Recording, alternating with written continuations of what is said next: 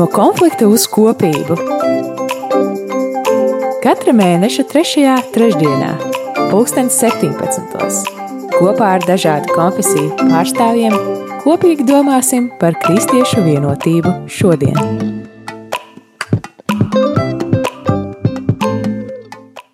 Labdien, mīļie radio arī klausītāji!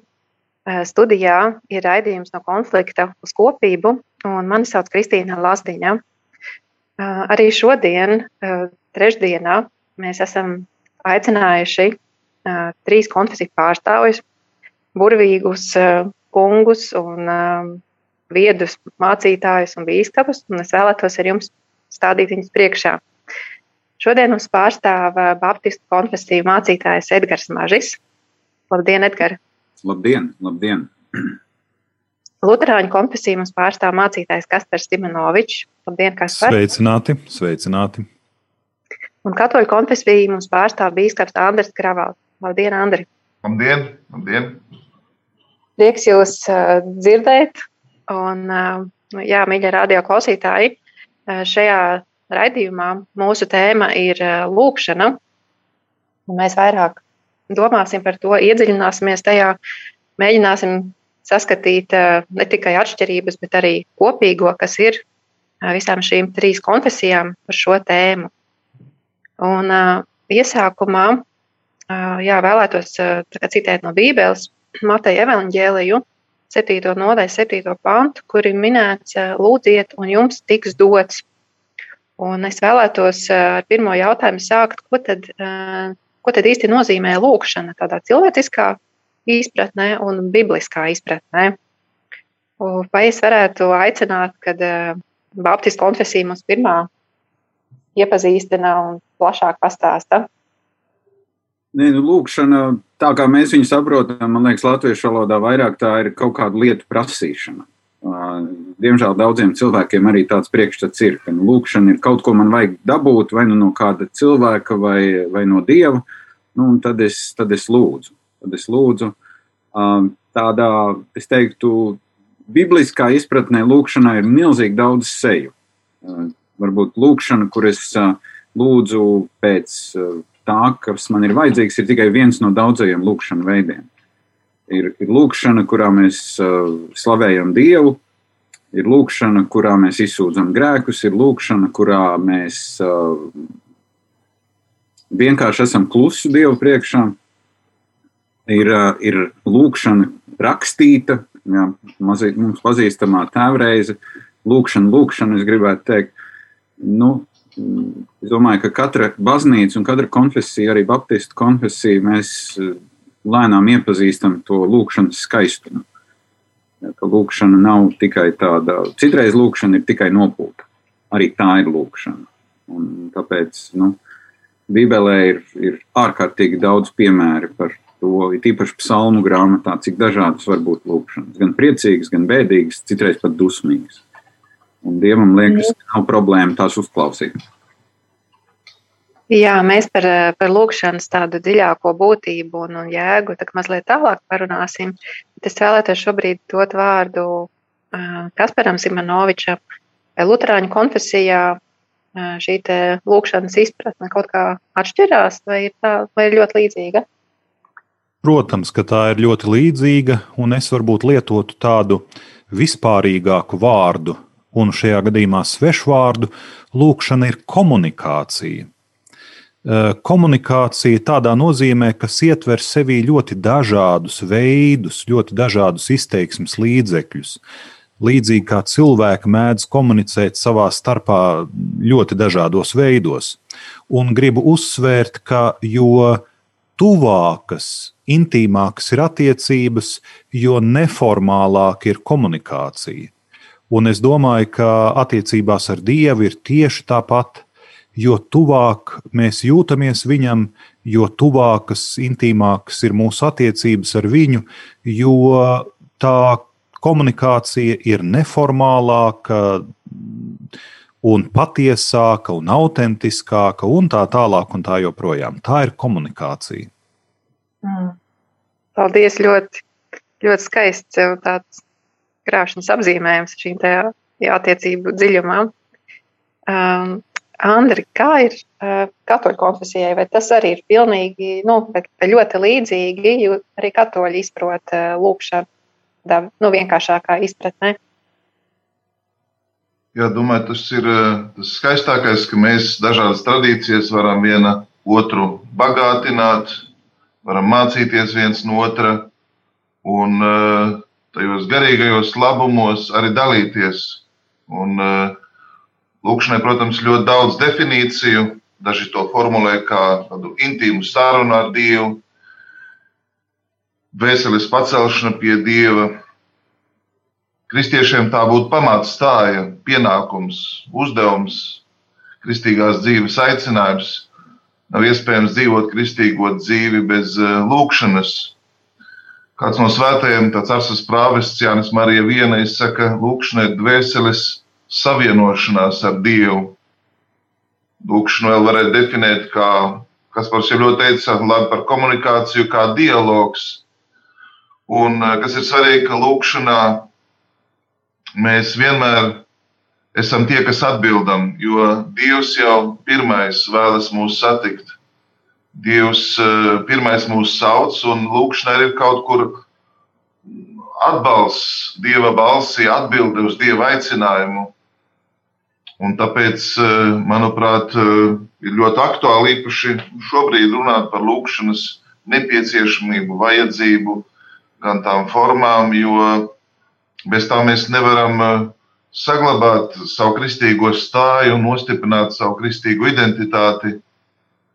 Un redzam, ka Dieva vārds, Dieva atklāsme, protams, nemitīgi mūs mudina uz attiecībām un tās īstenojās tieši caur lūkšanu. Jā, jūs, jūs jau iezīmējāt to, nu, to dziļāko tā kā, tādu būtību, gan šo komunikāciju, gan šo dvēseles savienošanu. Tad mans nākamais jautājums ir, varbūt neaizejot vēl dziļāk par tiem lūkšanu veidiem, bet par to mērķi, kādēļ tad, kādēļ tad kristieši lūdz. Varbūt, Edgars, es varu lūgt tev atkal Jā, pirmām izteikties. Es domāju, ka nu, iemeslu, lai mēs runātu ar Dievu, ir ļoti daudz. Kā jau Kaspars teica, tas nu, netiek limitēts, teiksim, cik bieži es drīkstu ar Dievu runāt vai, vai par ko es drīkstu runāt. Un, Tajā ziņā, atgriežoties pie psalmu grāmatas, man ļoti patīk tas, ka psalmu grāmatā cilvēks nekaunās dievam tiešām pateikt to, kā viņš jūtās kādas ir viņa tās sāpes un, un, un pēc kā viņš ilgojās. Un, un bieži vien viņš ilgojās arī pēc pilnīgi tādām lietām, nu, kā Dievs iznīcina manus ienaidniekus. Ja? Tāda, mēs teiktu, ļoti nekristīga lūkšana, bet tajā pašā laikā caur šo lūkšanu cilvēks izdabū ārā kaut ko no sevis, kas viņā ir krājies. Varbūt viņš to ienaidnieku nekad nesatiek vairs, bet viņš zina, ka viņš ir nodevis to dievu rokās. Uh, viens, no, viens no tādiem, man liekas, ļoti sirsnīgiem Un tādiem jūtīgiem veidiem lūkšanā ir iestāšanās par kādu vajadzību. Tad, kad mēs lūdzam par citiem, kad ir cilvēki, kuriem ir grūti, kur ir slimi, kuriem ir vajadzīga palīdzība, un nu, var runāt par tādu terminu kā aizlūkšanas spēks. Vairāk cilvēki vienojas šajā lūkšanā. Tas gan nenozīmē, ka dievam būtu problēmas. Viņš skatās, ja simts cilvēku nelūdz, tad viņš vispār ignorē. Bet, bet tas veido tādu, es gribētu teikt, foršu solidaritāti ar citiem cilvēkiem, ka mēs varam par kādu vienotu lietu iestāties Dievu priekšā un lūgt Dievu palīdzību. Un, protams, ka nu, man šķiet, ka Dievam mēs drīkstam lūgt jebko, un, un kāds cilvēks ir sacījis tā, ka ja Dievs kādu grib pārmācīt, tad viņš atbild uz visām šī cilvēka lūgšanām. Un, uh, un tajā ziņā es domāju, ka Dievam ir ļoti labs filtrs, klausoties mūsu lūgšanām. Un, un dažreiz pēc kaut kāda laika nogriežņa skatoties, ir izjūta, cik labi, ka Dievs tieši to lūgšanu nepaklausīja. Jo tur, tur tās sekas varēja būt diezgan traģiskas.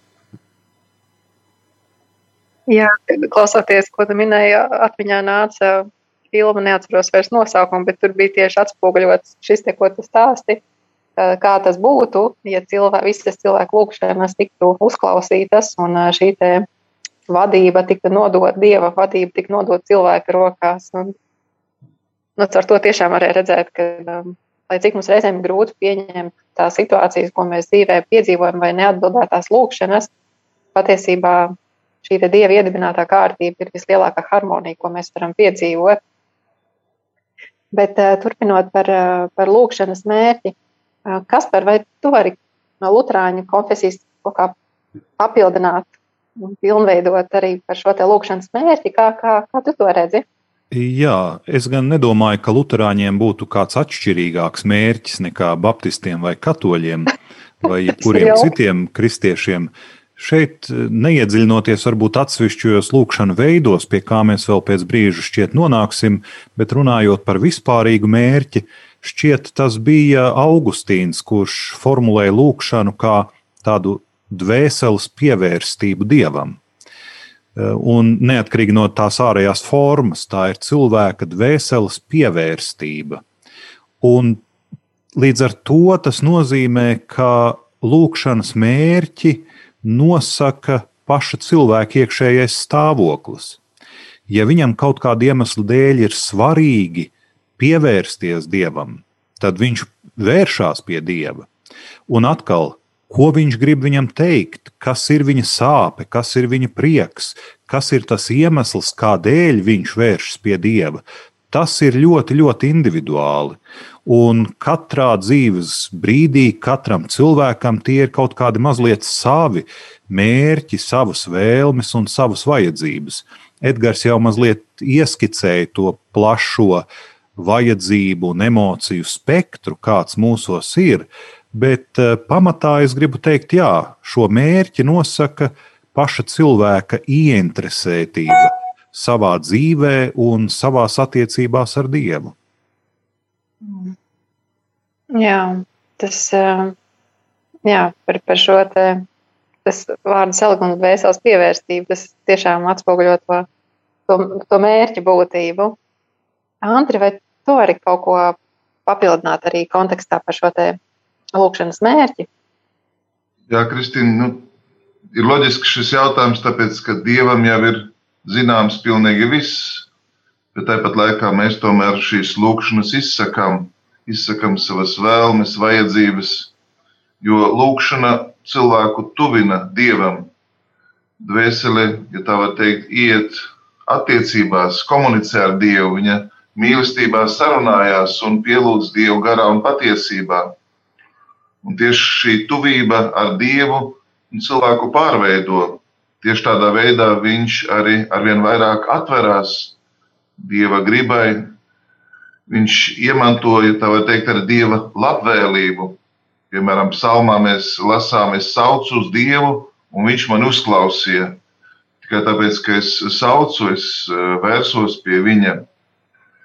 Un tāpēc, eh, protams, lūkšanas modelis un paraugs ir Kristus.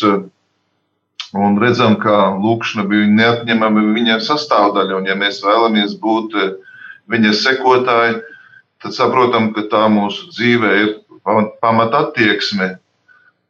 Dzīvojiet, tā var teikt, manā klātbūtnē, palieciet manī, un tas kļūst iespējams mums, kā kristiešiem, tieši pateicoties uh, lūkšanas dāvanai, ko vienmēr ir nu, jāizkop, jānostiprina, jāpilnveido.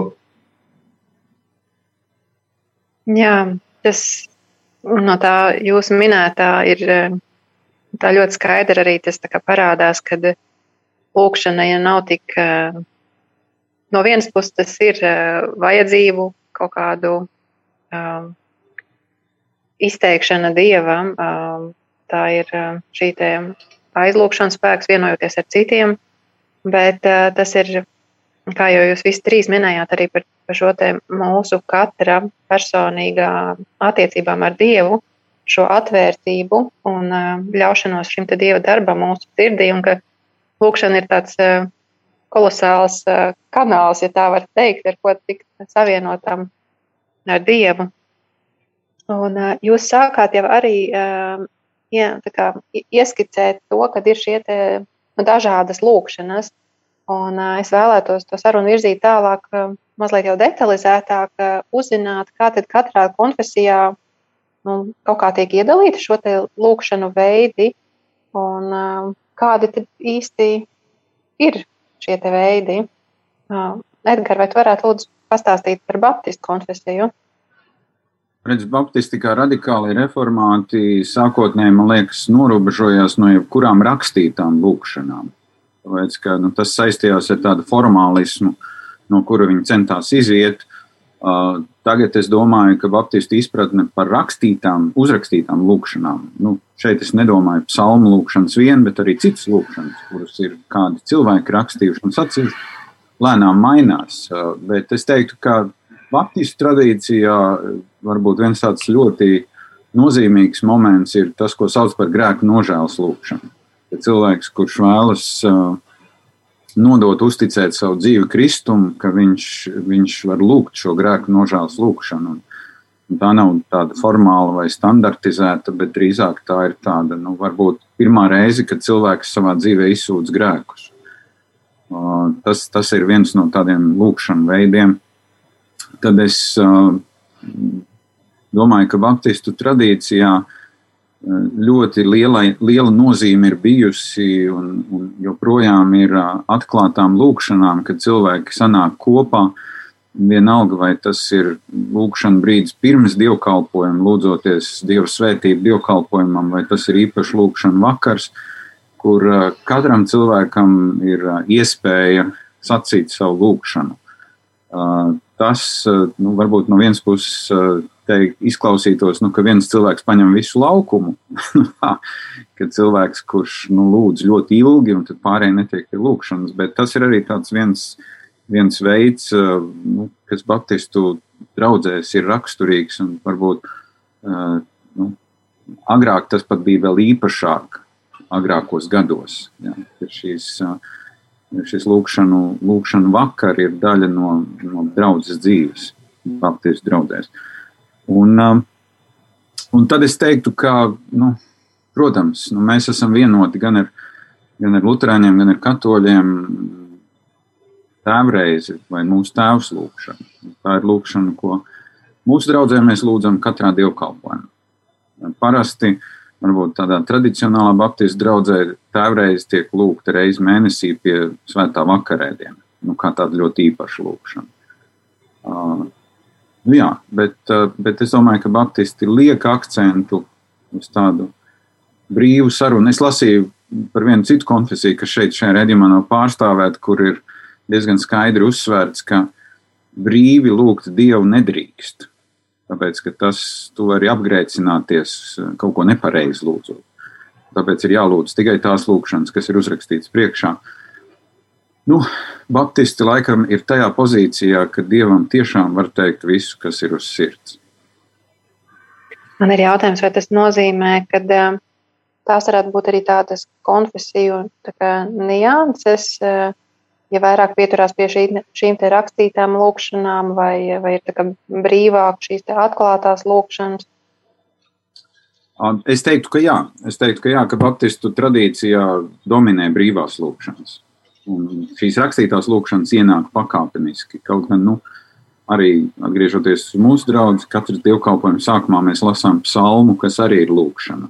Kā, nu, mums ir tāds sajaukums. Mēs esam ietekmējušies gan no luterāņiem, gan no katoļiem, bet paņēmuši to labāko. To ir prieks dzirdēt. Jā, Kaspar, vai tu varētu lūdzu pastāstīt par luterāņu konfesiju? Kā ir um, ar šiem te lūkšanu veidiem? Vai Jā, nu, es domāju, ka. Jā, es um, domāju, ka Lutāņu konfesija, kas attiecās uz lūkšanu, lietošanu, ir kaut kur pa vidu uh, starp, um, starp baptistiem un, un varbūt šajā gadījumā pareizticīgiem, kuru vārds eh, tika noklusēts, man šķiet, nevis izteikti skaļi. Eh, proti, mēs lietojam gan brīvas lūkšanas, gan priekšā rakstītas lūkšanas, tā sakot, aprobētas lūkšanas, apstiprinātas lūkšanas, gan, protams, arī tēvreizes lūkšanu. Un es domāju, ka, eh, nu nevis es domāju, bet Lutāņu konfesijai lūkšanu jautājums tās pirmsākumos, veidojoties Lutāņiem 16. gadsimtā, nebija tas centrālais un aktuālais jautājums. Tādēļ šajā ziņā mums ir ļoti līdzīga izpratne katoļu baznīcai. Un es domāju, Andris varēs izstāstīt par dažādiem lūkšanu veidiem. Bet es izmantošu šo iespēju, un man ienāca prātā ne tik daudz lūkšanas veids, kā lūkšanas pielietojums. Mēs it kā jau par mērķiem runājām, bet, bet es domāju, tādā mazliet citā griezumā. Kā cilvēki ar kādu mērķi viņi lieto lūkšanu? Un uh, Edgars jau minēja to, ka Lūk, ir konfesijas, kurās ir pierasts, ka cilvēki savu lūgšanu izsaka skaļi. Kādēļ viņi to dara? Viņi to dara, lai kaut kā iedrošinātu citus, piemēram. Viņi to dara, lai kaut kā apliecinātu pašu savu iekšējo ticību, vai ne? Nu, šāda veida pielietojums. Un, ziniet, tādā gadījumā es iedomājos, lūkšanu varētu salīdzināt. Nu, mēs katrs gan jau būsim redzējuši kādreiz, vismaz filmās noteikti, kur aktiera ģērbtuvē ir tāds spilgti izgaismots spogulis grimētavā, vai ne? Kur, kur aktieris pirms izrādes grimējas un pēc izrādes noņem grimmu. Tad lūk, lūkšanu var izmantot man šķiet līdzīgi kā šo grimētavu spoguli. Tu vari mēģināt aiz lūkšanas paslēpties, uzklāt sev tādu biezu grimma kārtu un mazliet tā kā paslēpties aiz lūkšanas, tā kā izlikties, uzklāt sev tādu tēlu virsū uz sejas. Tas ir viens veids, kā cilvēki mēdz rīkoties. Ja? Viņi saka skaļi, publiski lūkšanas, bet viņi saka, nu, mazliet tā kā izliekoties, mazliet tā kā pietēlojot dažkārt. Un tu vari lūkšanu izmantot tieši pretējam efektam. Tā kā to dara aktieris pēc izrādes, kad viņš atnāk un ņem nost to grimmu, lai atklātu savu patieso seju, savu īsto būtību. Un es domāju, ka arī lūkšanā, eh, tad, kad tu esi patiess un autentisks, un tu vērsies pie Dieva ar savām dziļākajām sirds vēlmēm, tu patiesībā tā kā apsēdies tāda spilgti izgaismota spoguļa priekšā un ieraugi arī pats sevi, savu dziļāko būtību. Tā kā tādā ziņā lūkšanas ne tikai atšķiras pēc, pēc veidiem, pēc tā saturiskā veida, bet arī pēc tā pielietojuma, ko mēs gribam panākt ar šīs lūkšanas palīdzību. Un tur var liecināt, un tur var iedrošināt, un tur var kaut ko atklāt, un tur var mēģināt kaut ko paslēpt, un tur var kaut ko mēģināt izzināt. Tā kā lūkšana, kā tāda komunikācija, ir ļoti ar ļoti daudzveidīgu pielietojumu mēs to realizējam. Jā, man ir radās jautājums. Edgars jau pieminēja par šīm rakstītām lūkšanām, un, manuprāt, Lutāņu konfesijā arī ir šīs rakstītās lūkšanas. Tu pieminēji arī nu, par šo mazliet atšķirību, par šo personisko lūkšanu, kurā mēs esam varbūt tiešām tā ļoti dziļi patiesi un intīmi ar Dievu. Un ir šīs rakstītās, ko mēs varbūt tā skaļi paužam. Kā, varbūt jautājums vairāk ir tāds, kādēļ, kādēļ tagad tas uzsvars vai šīs rakstītās lūkšanas tiek nu, kā, vērtētas kā ļoti vērtīgas. Tas ir, tas ir kā rāmis, pie kura mums pieturēties, ja mēs nezinām, ko lūgt. Vai... Es esmu kādreiz domājis par rakstītajām lūkšanām, kad man ir bijis jāmēģina paskaidrot cilvēkiem, uh, kas varbūt tikai interesējas par kristietību, tad es esmu salīdzinājis rakstītu lūkšanu ar dzējoli. Nu, iedomājieties, jūs gribat iepriecināt savu tuvu mīļu cilvēku ar kādiem skaistiem vārdiem, nu, bet pats jau nu nesat dzēnieks, un pašam tur tādas rīmes vien tik sanāk. Un tad jūs tajā dzimšanas dienā, vai, vai vienalga kādā svarīgā gadījumā, jūs paņemat kādu dzējoli tas nav jūsu dzējolis, nē, nē, bet tas dzējolis kaut kā ļoti precīzi pauž to jūsu iekšējo izjūtu, kuru jūs citādāk nemācētu tik skaisti izstāstīt. Un tad jūs šo dzējoli uzrakstat vai nodeklamējat vai kā citādi. Tas nav jūsējais, tas ir priekšā jau kaut kur uzrakstīts, bet vienalga tas izsaka to iekšējo stāvokli vai to vēlējumu. Un es domāju, ka ar rakstītām lūkšanām ir kaut kur nedaudz līdzīgi. Jā, cilvēkos varbūt nav tāda iekšēja talanta, nav tādu spēju, bet kāds jau ir to izteicis pietiekami, varbūt adekvāti, autentiski, skaisti, izvērsti un tā tālāk un tā joprojām. Un tad tas ir tāds tāds labs uh, veids, kā es arī varu pievienoties šai lūkšanai. Un tēvreizes lūkšana šajā gadījumā, manuprāt, ir tāds ļoti izcils piemērs. Jo atcerēsimies, kā mēs esam nonākuši līdz tēvreizes lūkšanai. Tikai tāpēc, ka apstuļi vienā brīdī neiztur. Viņi saka, klau, uh, skolotāji, reku Jānim, Kristītājam, viņš mācekļus tur savējos, viņš māca viņiem lūgt tu mums neko līdz šim neesi teicis. Nu, muiet, iemāc taču mums arī kaut ko. Nu, mēs taču neesam sliktāki par tiem. Nu, tad viņš saka, nu labi, nu tad, kad jūs lūdziet, tad sakiet tā.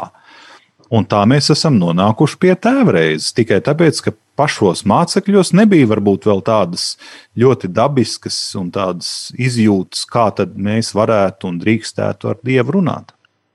Jā, tāds skaists un krāšņs iedes, iedvesmas veids, es teiktu, kad uh, rakstītā lūkšana ir. Jā, mēs uh, esam nonākuši pie katoļu konfesijas. Andri, vai tu mūs pastāstīt vairāk, kā pie katoļiem ir ar uh, šiem te lūkšanu veidiem? Domāju, ka, lai varbūt saprastu labāk šo jautājumu, tad jāsaprot, ka mēs komunicējam ar Dievu, nu, ar tām spējām, kas mums ir. Un, uh, kā jau Kaspars sacīja, pirmais veids, mēs ar viņu runājam. Mēs e, runājot, varam izmantot rakstītas lūkšanas, mēs varam runāt ar viņu ar svēto rakstu vārdiem, mēs varam skaļā balsī arī izteikt savas vajadzības. Un, piemēram, ļoti liela daļa no liturģiskām lūkšanām ir izrunātas lūkšanas. Tāpēc, kad mēs lietojam vārdus, e, mēs artikulējam, Un eh, tādā veidā mēs komunicējam. Un eh, īstenībā tas cilvēkam ļoti svarīgi, jo izsakot eh, svēto rakstu vārdus, viņš arī nu, evanģelizē sevi. Viņš arī cilvēks iet šajā vārdu dziļākā izpratnē. Bet bez vārdiem mums ir arī gars. Un mēs varam arī ar prātu apcerēt, pārdomāt. Tik lietots vārds arī meditēt, to, ko esam sapratuši, un neizmantot vārdus, bet iet tālāk, lai ar iztēles palīdzību, ar garas spējām mēs vairāk iedziļinātos, un šī lūkšana vairs nepaliktu tikai tekstu līmenī, bet eh, vairāk mēs vēlamies satikt Dievu ar tām spējām, kas mums ir dotas. Un, uh, tas būtu otrais veids, un trešais veids ir tā saucamā sirds, jeb uh, klusā lūkšana, kad mēs vairs nerunājam un pat ir nevēlamies palikt tikai mūsu izpratnē, bet vēlamies palikt mīlestībā uz kungu, vēlamies vingrināties ticībā, kas mums ir dota kā tikums, un lūgties vairāk ar sirdi. Piemēram, bērns ienākot baznīcā Viņš varbūt nezinās lūkšanu formulas, viņš nevarēs eh, lasīt eh, lūkšanas, bet viņš noteikti varēs ar sirdi piedzīvot eh, dieva klātbūtni, viņu satikt, sajust dieva tuvumu. Un, tieši tāpēc šīs varbūt trīs tādas attieksmes, viņas ir kristīgās dzīves pamatā. Un, dažās reizēs būs viena vai otra attieksme, bet atgriežamies pie varbūt veida, kā mēs eh, lūdzam Dievu, tad tikai jau pieminēti aizlūgumi, grēku nožēlas lūgšana, varbūt arī pateicības lūgšana, dažreiz tā var būt slavēšanas lūgšana. Eh, psalmu grāmata, kas ir visvairāk citēta jaunajā derībā un kas ir Izraēla tautai lūkšanu grāmata, tiešām viņa aptver cilvēka visas situācijas. Edgars eh, ļoti labi izcēla cilvēki visos apstākļos ir lūgušies, un eh, Dievs viņus ir mudinājis to tādā veidā to darīt. Un tieši tāpēc šīs attieksmes, manuprāt, lūkšanā būs tik daudz, cik uh, cilvēka emocionālais spektrs ir liels, tik arī viņš uh, ja tā var teikt, nu, vērsīsies pie Dieva savās vajadzībās. Dažreiz varbūt tā būs sēra lūkšana, tas varbūt arī aizlūgums. Tā var būt lūkšana, kur mēs meklējam sev mieru, patvērumu. Un, protams, šīs lūkšanas var varbūt tādās nu, kategorijās iedalīt, jo arī psalmu grāmata ir sadalīta tādā veidā, kad kuras lūkšanas tiek lūgtas, kad lūkšana palīdz vienoties ar citiem dievlūdzējiem un atnākot uz dievnamu, piemēram, ļoti izteiksmīgs veids, kā mēs lūdzamies, ir arī dziesma, vai tad, kad mēs apliecinām ticību, bet arī tikpat Dievs ir vēlas, lai mēs personīgi ar savu ticības pārliecību paustu savu, dotu savu konkrētu atbildi. Tad lūkšanas dzīvē tiešām tur ir ļoti, ļoti liela daudzveidība. Jā, paldies, paldies tev par skaidrojumu. Um, man šķiet, neatkarīgi no tā, kā patiesībā katrā konfesijā būtu kaut kā savādāk izdala, patiesībā tie lūkšanu veidi vai mērķi ir, ir vieni un tie paši, tikai varbūt izpausmes, um, izteiksmes līdzekļi ir varbūt dažādi. Un um, tas ļoti skaisti iezīmē šo te jēgu dziļāko, ka tā visām konfesijām ir viena un tā pati uh, saruna un tuvība ar Dievu, neatkarīgi no, no tās um, vajadzības. Šobrīd uh, mūsu raidījums ir pusē, un uh, šobrīd būs muzikālā pauze, bet pēc tam mēs atgriezīsimies, um, lai turpinātu šo sarunu Um, par to, ko nozīmē lūgt garā un ko darīt tad, ja ir brīži, kad mēs vispār nespējam lūgt.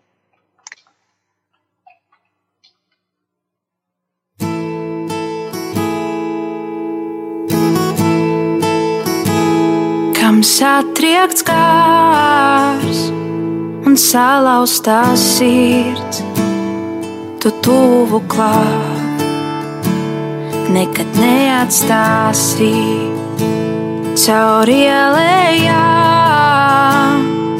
mani tūnēs. Es neesmu viens, tu esi man klāt, kam satriekts kārs un salauztā sirds, tu tuvu klāt, nekad neatstāsīt caur ielējām mani tūnēs. Es neesmu viens, tu esi man klāt. Tuvojos es tev, man tuvojies tu, tuvojies tu.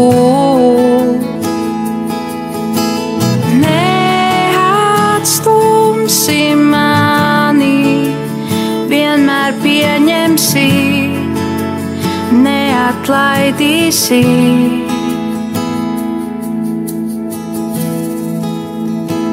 Pie manis nācijāt, kam noskumīs prāts, es atvieglošu un dziedināšu.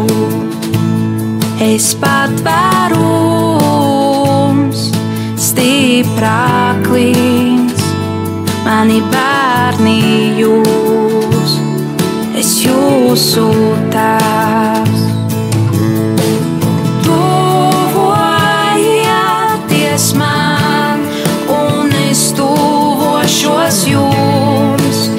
Es tuvošos jums.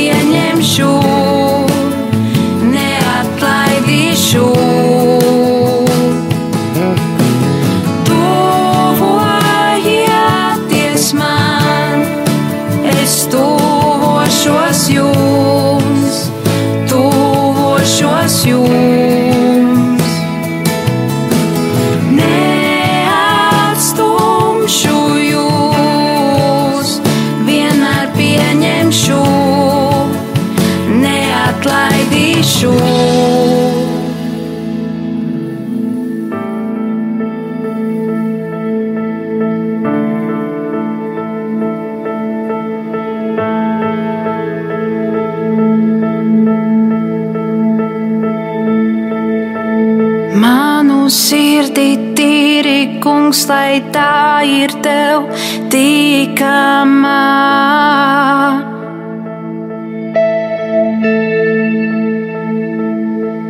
To dziedini un spodrini, lai līdzinātu stāvējai.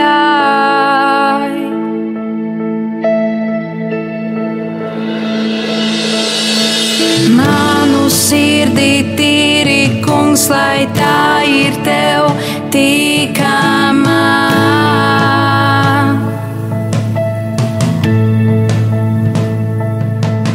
To dziedini un spodrini, lai līdzinātu stāvējai.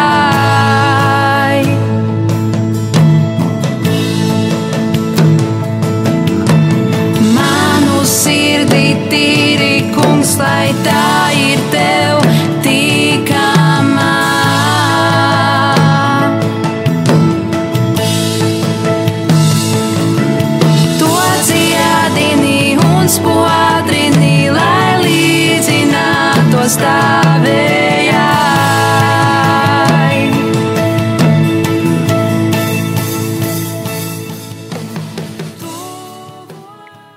Labdien, mīļie radio arī Latvijas klausītāji! Studijā ir raidījums no konflikta uz kopību, un mani sauc Kristīna Lazdiņa. Šodien mēs raidījumā eh, runājam par tēmu lūkšana, un eh, par šo tēmu mums eh, piedalās trīs konfesiju pārstāvji. Baptistu konfesiju mums pārstāv mācītājs Edgars Nažis, labdien, Edgar! Dien, labdien! Lutrāņu konfesiju mums pārstāv mācītājs Kaspars Simonovičs, labdien, Kaspar! Sveicināti vēlreiz visi! Un uh, katoļu konfesiju mums pārstāv bīskaps Andris Kravals. Labdien, Andri! Labdien! Raidījuma pirmā daļā mēs runājam par to, kas tad īsti ir lūkšana, kāda ir tā būtība un mērķi. Mēs arī pieskārāmies par tiem uh, lūkšanu veidiem, kādi ir ne tikai katrā konfesijā, bet vispār kopumā. Un, turpinot šo sarunu, es vēlētos lūgt jūsu viedokli par to, jau no tā kā dzirdētā, kā jums, kā jūs skaidrot, kādēļ tad šie lūkšana veidi atšķirās starp konfesijām.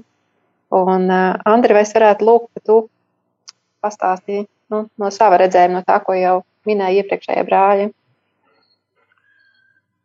Es tā negribētu pilnīgi piekrist, ka mēs tā ļoti atšķiramies, jo nu, Dievvvārds ir viens uzdevums lūgties, kā aicinājums, kā tāds kristīgās dzīves nu, pienākums, pamats tā ir mums ir visiem. Bet kā cilvēks varbūt dažādās situācijās, dažādos vecumos nu, komunicē, tā arī mēs, piemēram, atnākot uz dievnamu, parasti lūkšana nu, seko tai liturģijai, kas norit baznīcā. Un, tā liturģija nav tikai nu, sēras vai bēdas vai, vai, vai, vai vienkārši aizlūgums. Tāpat kā nu, Kristus, kas ja tā var teikt, nu, bija pilnīgi brīvs un nemitīgi bija attiecībās ar tēvu, viņš mūs mudina vienmēr dzīvot Dieva klātbūtnē. Jau Abrahamam Dievs saka, staigā manā klātbūtnē, esi pilnīgs. Un, manuprāt, kādā veidā mēs vislabāk varam staigāt, nu, tad, kad mēs esam uh, garā patiesībā, kad mēs esam vienoti, kad mēs uh, esam kopā ar kungu. Un, uh, lai kāda būtu mūsu situācija, tad mums vienmēr ir jāatceras par kunga klātbūtni un tieši lūkšana šo kunga tuvību vienmēr mums aktualizē. Tāpēc, piemēram, mūsu tradīcijā, dievkalpojuma laikā mēs pēc grēku nožēlas atkal domājam par kunga mīlestību, par viņa klātbūtni. Mēs apzināmies, ka mums ir iespējams pieņemt lausta maizi, kā viņš to ir darījis, baudīt viņa miesu un asinis, iet pateicībā. Un mēs kaut kur izdzīvojam, teikt, visu Kristus dzīvi lūkšanā, un liturģiskās lūkšanas tieši tāpēc, ja viņas ir tādā veidā veidotas, bet tas nebūtu neizslēdz spontānas lūkšanas un citus lūkšanas veidus, jo jāsaprot, ka arī nu, mēs nelūdzamies vieni paši. Tāvreizē vēršoties pie Dieva, mēs sakām, mūsu Tēvs debesīs, un mēs apzināmies, ka mums ir blakus līdzcilvēki, un kā mēs varam lūgties vienā garā, vienā ritmā. Tāpēc ir dziesmas, ir recitētas lūkšanas, ir aizlūgumi, ir arī lūkšanu stājas. Citreiz mēs varbūt stāvam kājās, nometamies uz ceļiem, un es vairāk vai mazāk atrodu visas šīs formas arī pie maniem brāļiem. Un uh, es pat redzu, ka tāda vai cita forma ir vēl vairāk izcelta, ka tā ir īpaši raksturīga tai draudzē vai tai konfesijai. Mēs tagad, piemēram, esam gavēņa laikā, tad uh, viss, uh, kas mums palīdz vairāk iet šajā gavēņa laika noskaņā, Kristus ciešanu noskaņā, tas mums kalpo un palīdz. Un tāpēc, eh, manuprāt, es tā neredzētu lielas eh, teiksim, atšķirības, varētu runāt par atšķirībām liturģijā, bet tādā personīgā dievbijā arī mēs, kad satiekamies kā mācītāji kopā, tad eh, patiesībā mēs tā nu, neuzskatām, ka man būtu stiprāka, labāka vai iedarbīgāka lūkšana, bet lūkšanas spēks jau nav izmērams ar kādu cilvēcisku izpratni. Tas ir Dieva gars, kas, eh, kas tajā brīdī dod, kas ir nepieciešams. Tāpēc, eh, manuprāt, tas, kas mums ir kopējs, ir noteikti daudz vairāk kā tas, kas mūs šķir. Mēs dzīvojam tādā kontekstā, nemitīgi arī nu, papildinām viens otru. Mēs ietekmējamies, mēs arī lūdzamies, konstatējam, ka vienas un tās pašas arī dziesmas dziedam. Un spilgts piemērs, piemēram, ir tezē lūkšanas. Uh, dziedātas lūkšanas, kur eh, dažādu konfesiju jaunieši, kristieši, viņi iet lūkšanas noskaņā, un viņi arī saglabā savu eh, konfesionālo piederību. Viņi to nezaudē, bet mēs parādām, ka mēs varam būt eh, vienā garā, vienā lūkšanā, vienā pateicībā. Manuprāt, ir ļoti svarīgas divas pamata attieksmes - svētīšana, un to Dievs pavēl mums darīt, būt par svētību pasaulē un pašiem atvērties uz svētību, un otrā attieksme ir pielūgšana. Tā aiziet gan no baušļiem, tā ir pielūgsme, tā ir nemitīga pateicība par eh, to, kas mēs esam, ka Dievs mūs mīl un ka mēs varam tikai vienkārši pie viņa ar saviem vārdiem, ar savu sirds attieksmi vērsties. Lai varbūt to labāk saprastu, es atvainojos, ka es tik gari, bet uh, mēs nevaram izmērīt teologa, lūkš, teologa lūkšanu, kas būtu Eh, ļoti varbūt eh, izkopta, teoloģiski pareiza. Un es nevarētu teikt, ka viņa būtu stiprāka par maza bērna lūgšanu, kas eh, spontāni ir ienācis dievnamā un kas saka paldies debes tēvam. Tāpēc šī gadījumā visas šīs lūkšanu formas, veidi, viņi savstarpēji viens otru papildina, viņi ietekmē. Un tieši tas dara lūkšanas dzīvi ļoti, ļoti bagātu, daudzkāršainu, radošu tik daudz. Jā, paldies. Uh, jā, Andris pieminēja jau par liturģiju. Un, uh, protams, ka uh, saka, tas viss kodols un tā būtība tām lūkšanām un izpausmes veidiem tiešām nav neizmērāms. Ne no, tā, ne no tās pozīcijas, vai tu esi bērns vai pieaugušais, kā jūs jau minējāt. Bet tā atšķirība varbūt cilvēkiem ir nu, reizēm pamanāma un uh, varbūt rada mulsuma, ir šī liturģija. Tāpēc es vēlētos Edgaram maz, nu, lūk, mazliet izteikties vai pastāstīt par baptistiem, kā, kā tur tas uh, kā tā, iezīmējās varbūt uh, šīs atšķirības, kas tikai ir tā ārēji manāmas, bet tā būtība jau nu, nav savādāka. Nu, Baptistu liturģija vienmēr ir bijusi nu, citādāka, bet ne sliktāka. Nu, tas ir tāds, es atceros, kad es uzaugu Baptistu draugzē, tad dievkalpojums vienmēr sākās ar lūkšanas dziesmas pantu. Jā, vienalga, tur nē, garām dārgais Jēzu klausi lūkšanu, ja cilvēki bija uz ceļiem un, un, un tas sākās. Un, un dievkalpojuma laikā patiesībā tādā struktūrētā baptistu dievkalpojumā bija divas lūkšanas. Viena bija sākumā pēc svēto rakstu lasīšanas, un otra bija beigās. Tā beigu lūkšana ietvēra sevī, nu, vēl bija svētīšanas vārdi, uh, svētīšana, bet tajā otrajā lūkšanā arī bija iespēja, ja cilvēkiem ir kādas sirdī lūgt atklāti, tad viņi varēja lūgt arī atklāti Dievu. Jā. Tā pašā laikā, kad es aizēju ciemos pie Lutāņiem, man, man vienmēr uzrunā tas, nu, tā liturģiskā daļa, kur mācītājs saka, tas kungs lai ir ar jums, un draudz atbild un ar tavu garu. Ja? Nu, tas ir tāds, ja? vai arī pēc sprediķa tajā daļā, kur ir draudzes lielā lūkšana Lutāņiem, ja? uh, kur arī ir tas dziedājums. Ja? Kas man, nu, tur ir starp lūkšanām, kas par to labāk pateiks. Ja? Bet man vienmēr, saprotiet, dažreiz varbūt tas mācītājs tā ļoti formāli lūdz, bet dažreiz tas dziedājums, dziedājums ir tas, kas paņem tevi. Ja? Un tas pats ir ar katoļu konfesiju arī. Man liekas, ka teiksim, nu, Baptistu liturģija pieļauj dažādu citu konfesiju lūkšanu elementu integrēšanu savā dievkalpojumu kārtībā. Un, un, priec, es esmu priecīgs par tiem kolēģiem, kas to dara, un es pats arī to daru savā draudzē. Tas tikai bagātina. Jā, man šķiet, ka tā, ka tā noteikti ir. Kas par tā kā pieminēja arī Lutāņu konfesiju, vai, vai tev šķiet, ka nu, ir šiem lūkšanas veidiem kaut kādas atšķirības, vai patiesībā nemaz nav? Jā, es gribētu piekrist vairāk Andrim un sacīt, ka patiesībā jau īstenībā atšķirības starp konfesijām lūkšanu veidos īpaši lielas nav, jo lūkšanu veidus diktē ikdiena. Tie ikdienas apstākļi un tās ikdienas situācijas, kurās nonāk uh, ticīgais cilvēks, tas arī nosaka to, kādā veidā, par kādiem jautājumiem cilvēks komunicē ar Dievu. Un tur var būt lūkšana, tur var būt pateicība, tur var būt aizlūkšana, tur var būt grēksūdzes nožēla, tur var būt un tā tālāk un tā joprojām. Bet savukārt tādā konfesionālā līmenī Tas drīzāk to varētu tā salīdzināt. Um, tas ir tāpat kā ar ģimenēm. Kaut kā laika gaitā noteiktās ģimenēs, noteiktās dzimtās izveidojas savi komunikācijas tādi modeļi, vai ne? Tādi savi, tādi savi musturi. Un, un neviens īsti vairs nezina, kāpēc pie mums tas tā notiek, un kāpēc mēs darām citādāk, un tur tie kaimiņi dara citādāk, un tur tajos tālajos rados dara citādāk. Tas vienkārši tā ir iegājies laika gaitā, un es atkal sacītu, to savukārt nosaka kādi konkrētie vēsturiskie apstākļi, kuros attiecīgā konfesija ir radusies. Nu, un šajā gadījumā, piemēram, Katoļu baznīca ir ar ļoti senām uh, Uh, institucionālām uh, saknēm.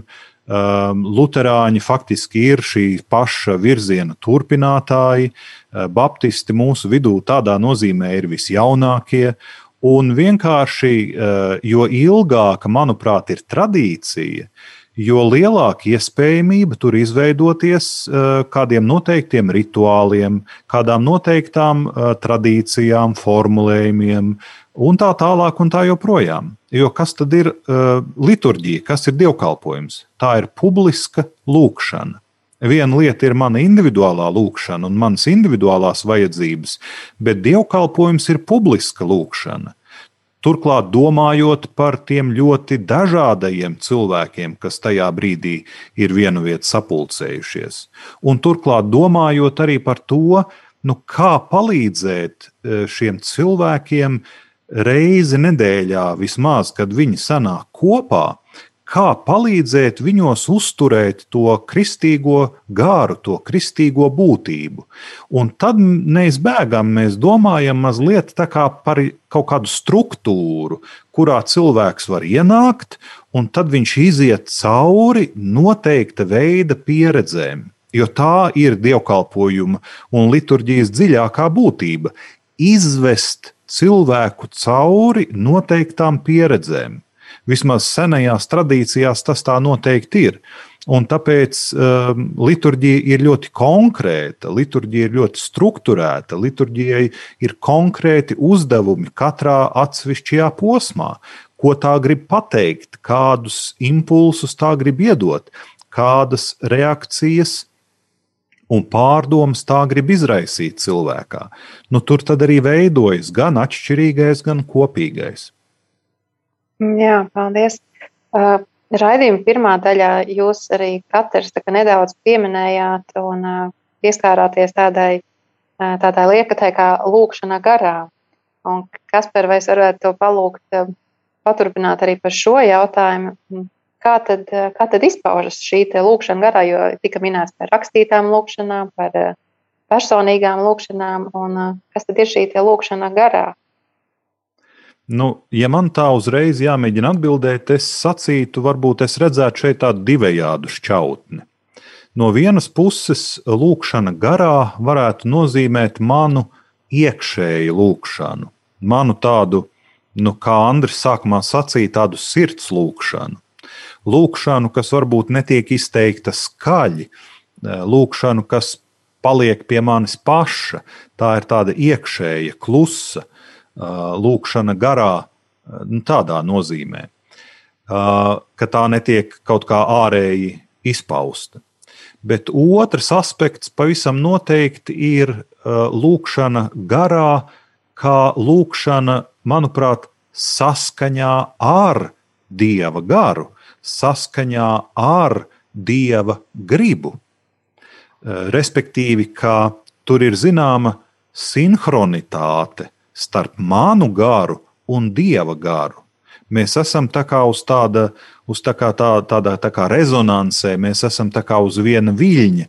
Es tā kā esmu tik pietiekami atvērts un jūtīgs un tik pietiekami tuvu tajā brīdī, ka mana lūkšana ir pilnībā saskanīga ar to, ko Dievs vēlas manā dzīvē redzēt. Un man liekas, ka lūkšana garā Eh, tas ir tas, ko Jēzus mēģina eh, Jāņa evanģēlijas 16. nodaļā saviem mācekļiem sacīt, kad viņš saka, ko vien jūs tēvam manā vārdā lūksiet, viņš jums dos. Un mēs kādreiz šos vārdus dzirdam kā tādu brīnumnūjiņas apsolījumu, ka, lūk, man tikai jāpasaka ir Jēzus vārdā, un tad brīnumnūjiņa novicinās un viss notiek, kā es gribu. Bet nē, nē, tas dziļākais priekšnosacījums, kā es to saprotu, ir lūk, šī lūkšana garā, ka es esmu saskaņots ar dieva garu, un tad attiecīgi dievam nav nekādu šķēršļu vai iebildumu man dot to, kas man patiešām ir vajadzīgs. Mm, paldies! Mm, Edgars, vai uh, tu vari papildināt uh, no savas puses par, uh, par lūkšanu garā, kā, kā tu to redzi no, nu, vai arī vai, vai baptistiem kaut kā savādāk, tas vai, vai tāds pats redzējums? Es domāju, ka tas uh, var ietvert sevi visu to, ko Kaspars sacīja. Es varbūt vēl liktu klāt to, ka, uh, ka lūkšana var būt, lūkšanā var būt arī tādi brīži, ko sauktu, es sauktu par aizrautību garā. Ja, ka tu kaut kādā ziņā uh, esi tik tuvu Dievam un tik tuvu jūties Dievam, ka ka tiešām tev nevajag vārdus, kā Andris teica, tu vari vienkārši būt klusumā.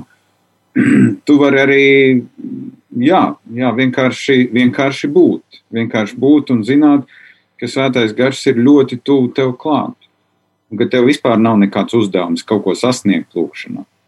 Man liekas, tas ir tas grūtākais, ka mēs lūkšanā tik bieži gribam kaut ko sasniegt. Mēs esam tādi uzdevuma orientēti. Ja mums ir vai nu tai lūkšanai jāto paklausītai, bet vienkārši ļauties garam. Nu, es to sauktu par tādu, tādu lūkšanas veidu, ja, ka tu.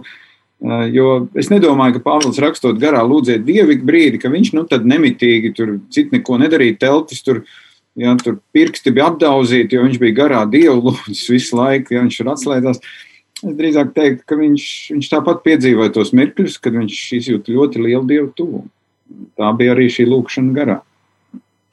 Jā, paldies. Uh, Andri, vai, vai tu vari papildināt arī no savas puses? Es tikai turpināšu to, ko mēs zinām no svētiem rakstiem. Ir ļoti skaista jēzus tikšanās ar samārieti, kur viņa iet tādā dziļā personīgā dialogā, un viņa jautā par lūkšanu, par lūkšanas vietu un kā tad lūgt Dievu. Un tur Jēzus saka, ka īstie dievlūdzēji lūgs garā un patiesībā. Un, uh, mums ir eh, dieva dota dāvana mums ir gars, kas nemitīgi ilgojas, meklē, kas sauc pēc dieva, mums ir šī spēja, kā brālis sacīja, nu, iet dieva domā, iet dieva iedvesmā, dieva pestīšanas plānā. Piemēram, vēstulē galotiešiem Pāvils 4, 6 saka, Dievs mūsu sirdīs sūtīs sava dēla garu, kas sauc Abba Tēvs. Tad īstenībā gars lūdzās mūsos. Lūkšana nenāk no mums, ka mēs to izdomājam, saceram vai pat vienkārši lasām. Nē, mūsu e, sirds, kas ir Dieva klātbūtnes vieta, lūdzās. Un gars mūs nemitīgi atgādina un sauc Abba Tēvs. Tas nozīmē, ka mūsu sirds eh, ilgojas pēc tēva, un eh, caur Kristu mēs viņu sasniedzam. Un, manuprāt, eh, kristīgā lūkšana ir pirmām kārtām tiešām lūkšana garā, Kristus garā, un bez Kristus mēs nu, nepaliekam kristīgā atklāsmē. Un Kristus kā lūkšanas skolotājs arī daudzkārt runā un saka, es vēlos, lai jūs saņemtu svēto garu. Viņš visu atgādinās, viņš palīdzēs jums lūgt, viņš jūs nemitīgi arī nu, uzturēs un, un, un, un nemitīgi caurstrāvos, apgaismos, iepriecinās. Tāpēc um, kristīgā lūkšana būs, lūkšana garā, bet, eh, kā, kā Kaspars ļoti labi sacīja, mums ir gars šī spēja, bet arī Dievs dod mums savu svēto garu. Un tad, tad viņš ir lūkšanas princips caur viņu garā mēs Dieva garā atbildam šim aicinājumam un vēršamies pie tēva. Hmm, paldies! Ļoti straujiem soļiem tuvojas raidījuma noslēgums, un pašā beigās es vēlētos tādu tiešām īsā veidā, ko jūs katrs varētu ieteikt klausītājiem. Jo tad, kad ir cilvēkiem eh, sāpes vai ciešanas, reizēm tās lūkšanas nāk ļoti viegli un, un dabīgi. Ir reizēm brīži, kad uh, kad cilvēks nespēja lūgt, kad uh, viņam pietrūks pat vārdu. Ko jūs kā tādu iedrošinājumu vai ceļamaizi dotu klausītājiem, kas tagad stiprina lūkšanu, lūkšanu vai kā lūgties labāk un ar ko sākt? Jā, kas par vai to varētu? Es varētu tikai aicināt tādās reizēs atcerēties apakstuļu Pāvila sacīto atēniešiem, ko var izlasīt apakstuļu darbu grāmatas šķiet 17. nodaļā, kur viņš teica, ka dievā mēs rosāmies un esam. Tas nozīmē, mums nav nekur jāiet, mums nav nekas jādara. Mēs pēc būtības, pēc definīcijas jau aizvien visu laiku esam Dieva rokās. Un, e, kad nav spēka, kad nav vairs nekā, mums ir vienkārši šis fakts jāatcerās un jāļauj Dievam turpināt mūs nest. Paldies! Es, Edgar, vai, jā, lūdzu kā, kā vecās derības pasniedzējs, ņemiet psalmu grāmatu. Tur neviens ienaidnieks nav vārdā nosaukts. Ja tā ir kaimiņa Anna, tad ziniet, ka tā tur arī ir iekšā. Lūdzieties ar psalmiem. Paldies, Andri. Kāds es ar vārds? vienu teikumu ļoti īsi, ko māte Terēza no Kalkutas saka.